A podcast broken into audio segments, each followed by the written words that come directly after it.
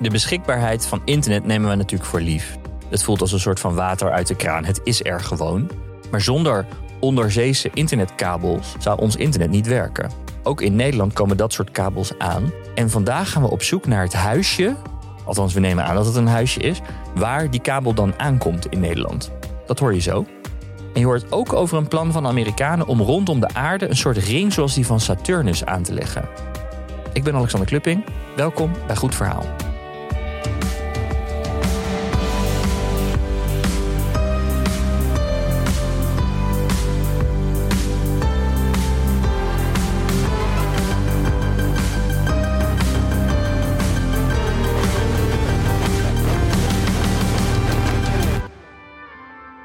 In Goed Verhaal kiezen we elke week de beste verhalen voor je uit en geven we ruim baan aan talentvolle makers. En er staan al tientallen afleveringen van deze podcast voor je klaar. En wil je die bingen? Dan kan dat via Podimo. Ga daarvoor naar podimo.nl slash goedverhaal en dan kun je de eerste 30 dagen gelijk gratis luisteren.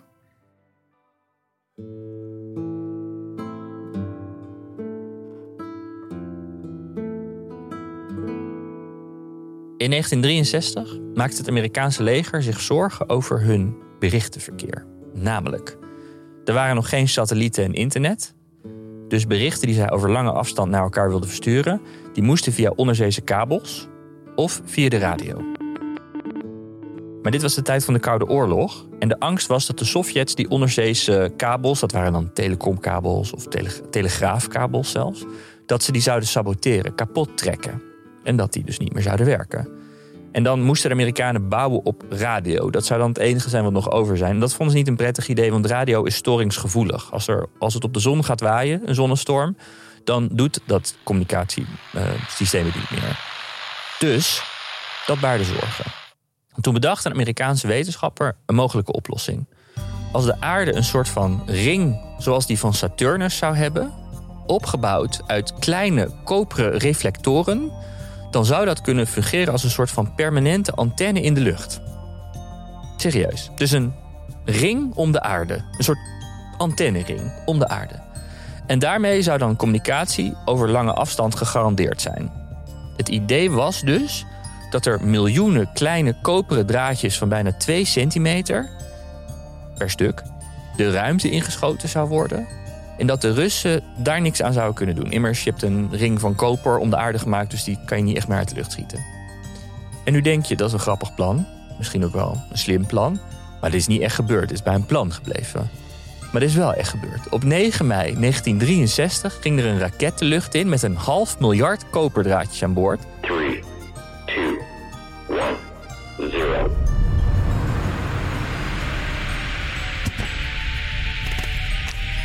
En op 3500 kilometer boven de aarde liet dat ding die draadjes los. Die gingen dus zweven in de lucht. En toen gingen ze gelijk kijken, werkt het? Het idee dat je een verbinding kan maken via die antenne. Dus ze gingen een telefoongesprek opzetten van de westkust met de oostkust van de Verenigde Staten. Via die koperen ruimteantenne. Hallo. En het werkte. Ze maakten contact via een ruimteantenne. En na een tijdje werkte het niet meer, want die, die, die draadjes die, die gingen dan te ver uit elkaar zweven. Dus het idee was dan wel dat ze meerdere raketten moesten schieten voordat ze een hele ruimtering gemaakt hadden. Maar technisch hadden ze het bewezen. Dit werkt. Ze hebben het project nooit afgemaakt, omdat ondertussen de communicatiesatelliet was uitgevonden, de Telstar. En die werd gelanceerd en die hele ring was helemaal niet meer nodig. Maar we voelen dus de effecten van Project Needles, want zo heet het, Project Needles, mooi. Vandaag de dag nog steeds. Zo kwam in 2001 onze European Space Agency met een rapport waarin staat dat veel van die koperen draadjes door een designfout toen de tijd zijn gaan klonteren en nog steeds als afval door de ruimte zweven. En hoewel we nu satellieten hebben, gaat bijna al het internetverkeer vandaag de dag via internetkabels. Het zijn er een stuk meer geworden dan toen en ze zijn inmiddels van glasvezel. Maar eigenlijk zijn onderzeese kabels nog steeds net zo kwetsbaar als tijdens de Koude Oorlog. En aangezien onze relatie met de Russen ook niet helemaal fantastisch is op dit moment, moeten we ons ook weer zorgen maken om die sabotageacties zoals toen in de jaren 60. En hoe zit dat eigenlijk met ons internet? Waar in Nederland komen die kabels eigenlijk aan? Heeft iemand een idee? Wie beveiligt die dingen eigenlijk? Journalist Robin de Wever laat experts uitleggen wie er op dit moment bovengemiddeld veel interesse toont in die kabels. En probeert in te schatten in hoeverre ons internet gevaar loopt. Je luistert naar Robin de Wever. De Icistius brasiliensis, het wezen dat we de koekjessnijder zijn gaan noemen, houdt zich op in het donker. Kom je bij hem in de buurt, dan zet hij zijn dikke lippen op je lijf, bijt hij zich aan je vast en begint hij met zijn ondertanden stukken van je lijf te schaven. Zijn kaken malen en zo maakt hij een gapend gat in je lijf. Maar het overkomt eigenlijk nooit iemand. De koekjesnijder zwemt zo belachelijk diep in de oceaan. Zo diep is bijna niemand geweest. Twee tot drie kilometer onder de golven. Hij leeft in een wereld die grotendeels onontdekt is. Zelfs van veel van de ruimte weten we meer dan van sommige stukken van de zee. Het is er pikken donker, leeg en ijskoud. En weer een paar honderd meter onder de koekjesnijder, ver weg van alles, daar bungelt, op de diepste plekken van de oceaan, het internet. Elke make-up video op YouTube, elke Hey Marco Prima op TikTok, cryptomunten, elke beurstransactie, miljarden websites met nieuwsberichten en breipatronen en vieze filmpjes, overleg tussen Zelensky en Biden, dat gaat over deze kabel. En dat alles, 95% van het hele internet, zit, en nu wordt het echt vet, in een draadje niet veel dikker dan een haar. Er zit een koperen buis omheen en kunststof en staaldraden. Dat hele pakketje is zo dik als een rol wc-papier. Als je twee handen eromheen legt, is de kans groot dat je vingertoppen elkaar raken. Ik weet dit omdat ik het heb opgezocht. Op websites in Amerika. Die dus tot mij zijn gekomen door diezelfde kabel. Die je niet kunt zien. Dat is toch fascinerend? Maar dankzij dat googelen weet ik inmiddels ook... er zijn dingen die je wel kunt zien. Ik heb een kaart gevonden. Op internet. En daarop staat het strand van Castricum. En een heleboel onderzeese kabels. Zo, dan gaan we even op zoek. Ik zie een lijn door de zee van New York, stippel de stippel, naar de kust van Noord-Holland. Toen ik inzoomde, zag ik dat de lijn hier eindigt. Op het strand. Hier, hier komt het internet aan land. Hier steekt die haar uit de grond en wordt hij aangesloten op het Nederlandse internet. Hoe dat er precies uitziet is me niet helemaal duidelijk, maar het betekent, zou ik zeggen, dat er hier ergens een huisje zou moeten zijn, of een heel complex of een bunker, met daarin dan zo'n kamer. En in die kamer dus de ader van zo ongeveer al onze communicatie.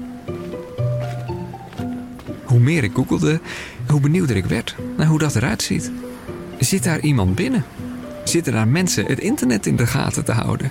Staan er bewakers voor de deur? Of zie je alleen maar een grote omheining of zo met camera's?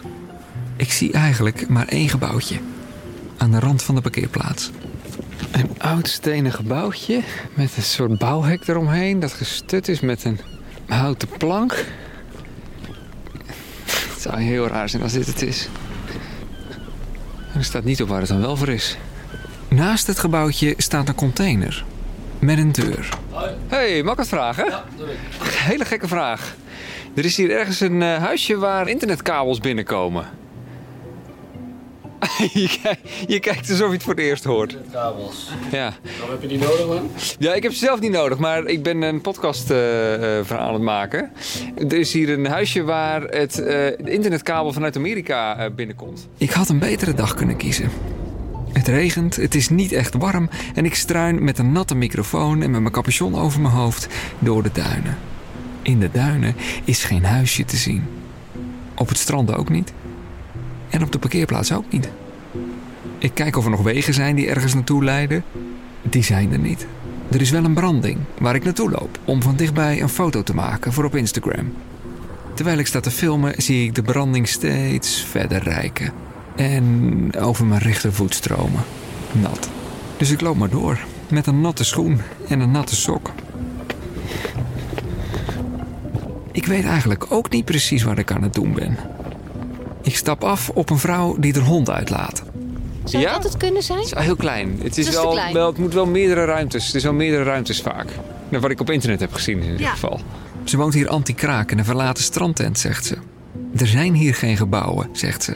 De huis is wel groot, maar... Zou het kunnen zijn dat er ruimtes zijn waarvan u niet helemaal wist dat ze er ook nog waren? Verborgen ruimtes? uh, nee. We kennen alle ruimtes. Je kent alle ruimtes. Ja. Oké. Ja, ja, ja. ja. Oké, nou ja, dan Ja. is het gewoon ergens hier. Top, bedankt hè. Doeg. En dan, als de pakketbezorger langskomt, verlies ik mijn laatste optimisme. Maar dat moet je alleen maar bij eh, die, bij die twee standtenten of drie standtenten zitten. Zijn hier alleen maar strand? Ja, drie Dan dan- bezorgt u nergens... eh Nee, nergens meer, helemaal niks. Ah, oké. Succes ermee. Oké, tot ziens. hè. Ik geef het op. Pas later zal ik erachter komen dat ik op de verkeerde plek zocht. Ik ben op zoek omdat ik een beeld probeer te krijgen van het internet. In de diepste stukken van de oceaan zweeft de kabel, maar in de ondiepere stukken, het grootste gedeelte van de zee dus, het grootste gedeelte van de route, ligt die op de bodem. Ik heb me hierop gestort omdat ik me de afgelopen maanden ben gaan afvragen: zo'n kabel op de bodem van de zee, open en bloot, is dat wel veilig? En dan ineens, een paar weken nadat ik begonnen ben met zoeken, Denmark, Poland, and Sweden say they believe leaks in two major Russian gas pipelines to Europe are the result of sabotage. blijkt dat het idee van onderwatersabotage inderdaad zo gek niet is. de vraag is dan, wie zit erachter Net boven het Deense eiland Bornholm voor de zuidkust van Zweden begint op 26 september de gaspijpleiding Nord Stream te lekken. Gas borrelt met kubieke meters tegelijk naar het wateroppervlak. Binnen no time is er nog een lek en dan nog twee. Inmiddels is natuurlijk duidelijk wat er is gebeurd. De boel is opgeblazen. С праздником вас! С Днем Победы! Ура! Ineens loopt er een rechte lijn van onderzeese infrastructuur naar sabotage. En vanaf sabotage loopt er een rechte lijn met donkerbruine vermoedens naar Rusland.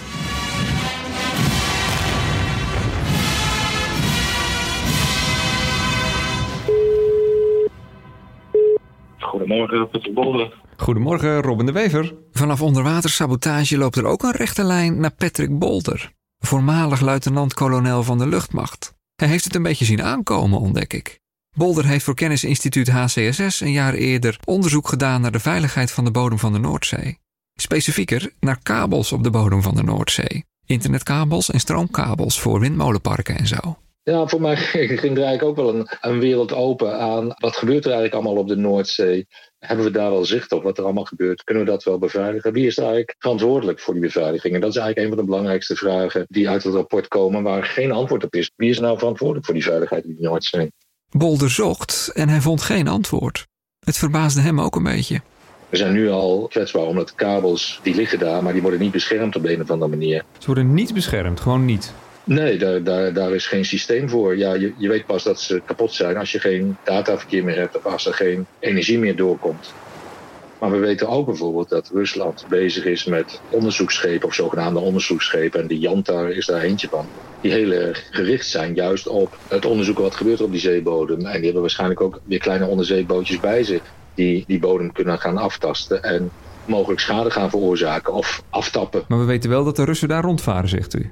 We weten dat het, die onderzoeksschepen daar regelmatig eh, rondvaren. Ehm, en het probleem is niet alleen dat die schepen er zijn, maar ook nog eens een keer de attributie is heel erg moeilijk te doen. Want je, weet, je ziet niet wat die schepen daar doen, die onderzoeksschepen.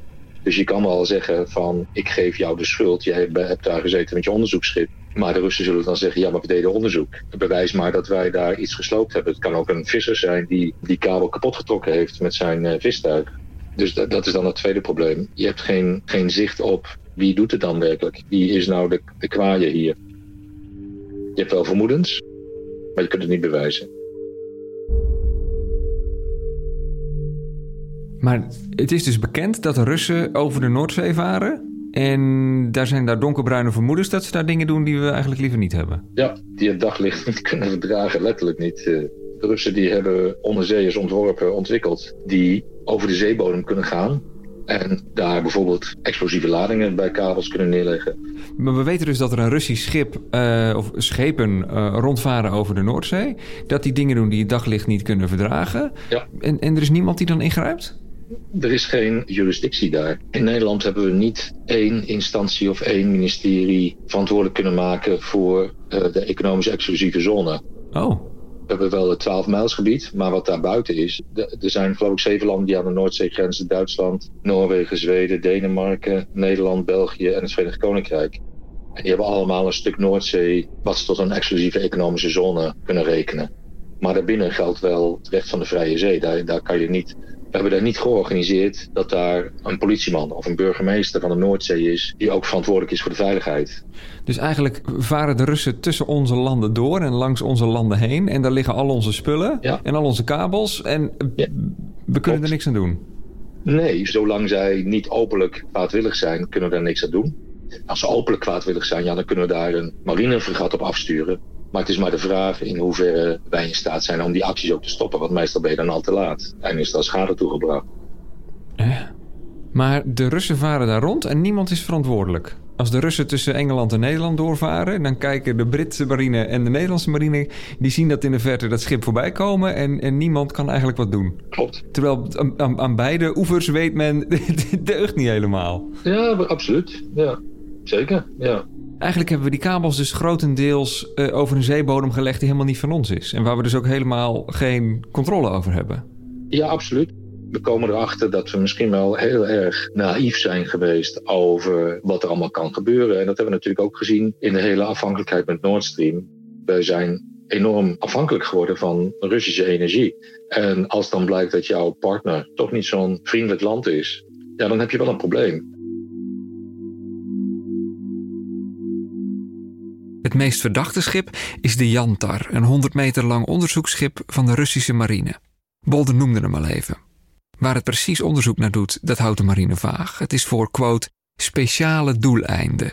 Een oceanografisch vaartuig. Zeker is dat de Yantar niet één, maar eigenlijk drie schepen is. Buitenboord hangen twee onderzeeërs die tot 6000 meter diep kunnen en die regelmatig het moederschip verlaten. En dan op missie gaan. Waar naartoe? Dat weten we niet.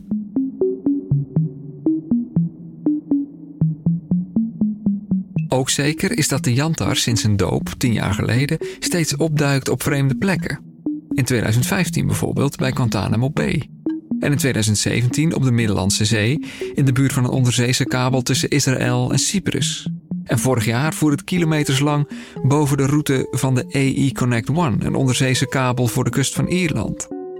En in 2018 voer het van het kanaal tussen Nederland en Engeland dus de Noordzee op.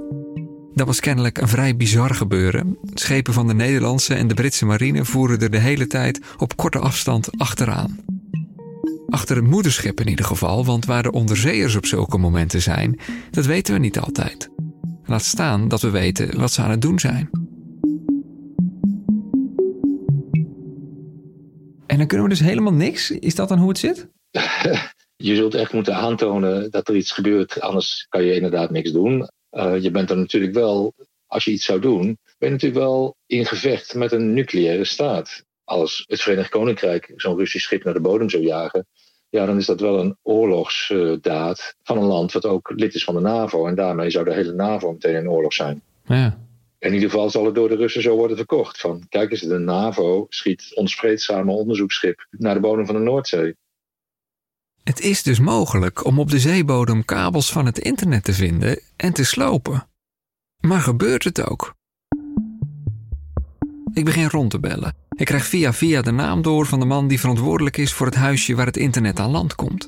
Dus ik vraag mijn contactpersoon of die kan vertellen waar het dan precies is en of de man aan mij wil vragen of ik op bezoek kan komen. Het antwoord komt snel en ondubbelzinnig. Nee, dat kan niet. Ik bel met British Marine en met Orange Marine. Bonjour, vous êtes bien chez Orange Marine. Ne quittez pas, nous allons vous répondre. Thank you for calling Global Marine Group. Bedrijven die erop uitgaan als een kabel is gebroken en die hem dan maken. Bij beide bedrijven krijg ik een vriendelijke mevrouw te spreken die inschat dat het wel kan. En die zegt dat ze het met de baas gaat bespreken. En dan, als ik heb opgehangen en het verzoek is op het bureau van de baas beland, dan hoor ik niks meer. Ik mail en ik bel en ik app en ik sms wekenlang. Press star to repeat. Tot ik niet anders kan dan concluderen. Press star to repeat. Ze willen me gewoon niet binnen hebben.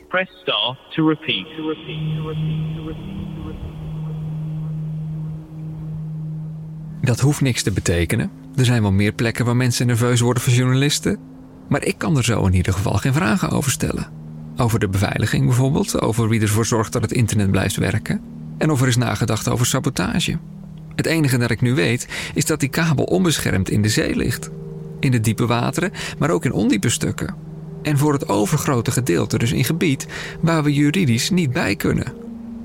Hoe kwetsbaar is het internet eigenlijk?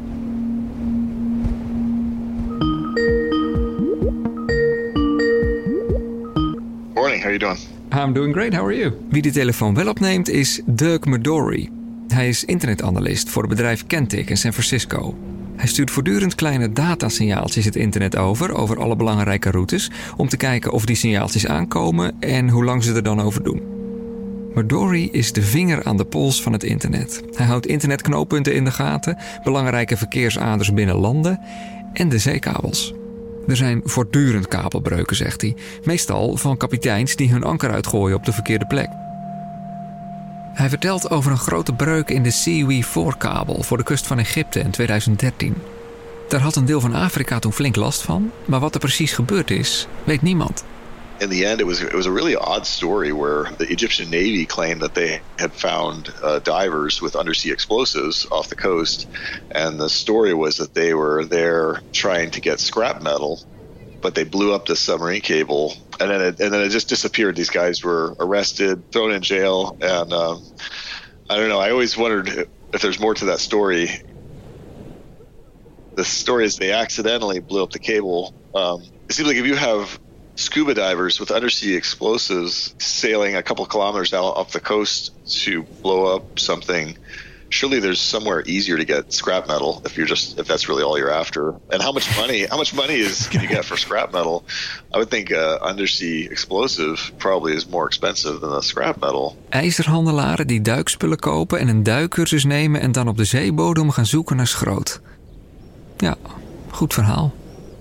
Maar los daarvan, als kabels bij Egypte geknipt kunnen worden, dan kan onze verbinding met Amerika ook stuk. Toch? When I've had this conversation with people in the industry, the submarine cable industry in the past, I don't want to say they poo-pooed it, but they kind of say like, listen, we, we do a lot of repairs. We're very good at repairing cables. It's just part of the industry is repairing cables. So we don't feel threatened by cables getting broken. Het is niet zo makkelijk als je denkt, zegt hij. Midori komt met iets dat ik eigenlijk wel al wist, maar dat nog niet helemaal was geland. Er liggen meerdere kabels tussen Noord-Amerika en Europa.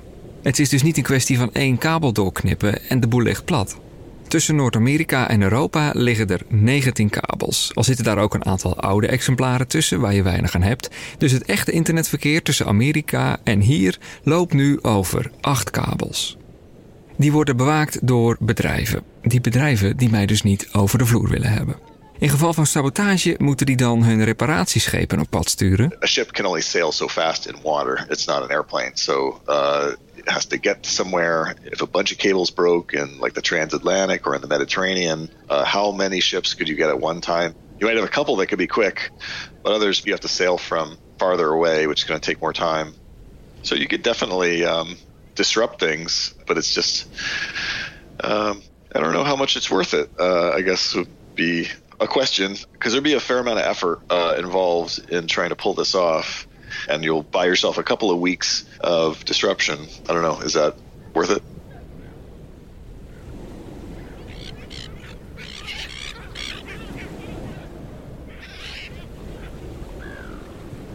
Ik blijf een beetje verward achter. Het internet is belabberd beveiligd. Het is eigenlijk gewoon vogelvrij. En de Russen hebben alles wat je nodig hebt om onze acht kabels door te knippen. En we kunnen er weinig aan doen. Maar in het verleden is elke keer dat er iets kapot ging, het weer snel gerepareerd. Een paar dagen later mail ik een andere zeekabelkenner. We spreken af om elkaar te ontmoeten en hij mailt terug. Ik spreek je morgen, goede timing. Zie je ook het incident bij Parijs? Hm, ik ken het incident bij Parijs niet. Dus ik zoek het op.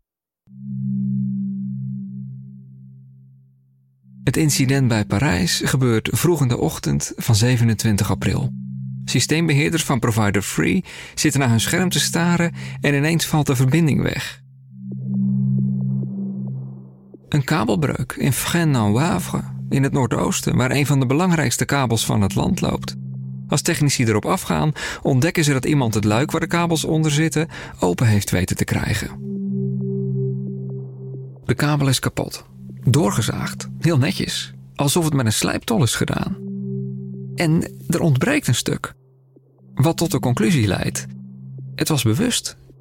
En het doel was zoveel mogelijk schade veroorzaken. Een losgesneden kabel kun je vrij makkelijk weer heel maken, kennelijk, maar een vervangend stuk ertussen zetten kost veel meer tijd en moeite. Terwijl ze daar in Fresnes-en-Wavre in die goot staan te turen, komt een technicus net ten zuiden van Parijs erachter dat ook de grote internetader bij hem in de buurt is uitgevallen. Ook doorgesneden, zo blijkt als ze ter plekke zijn. Doorgesneden op precies dezelfde manier.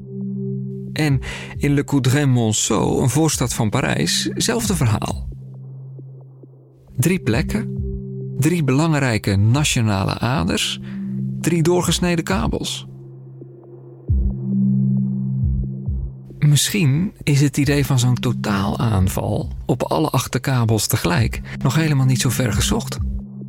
Acht explosies en de wereld is door midden geknipt.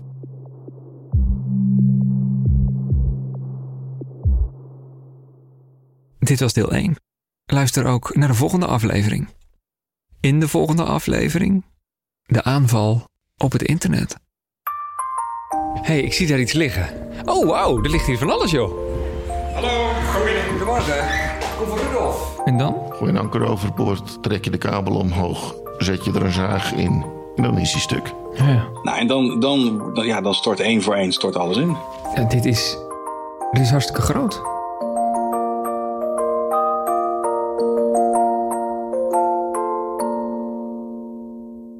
Dit was deel 1. Je kunt direct luisteren naar deel 2, waarin Robin de Wever verder zoekt naar onze internetkabels en een opvallende ontdekking doet. Aflevering 2 staat nu voor je klaar.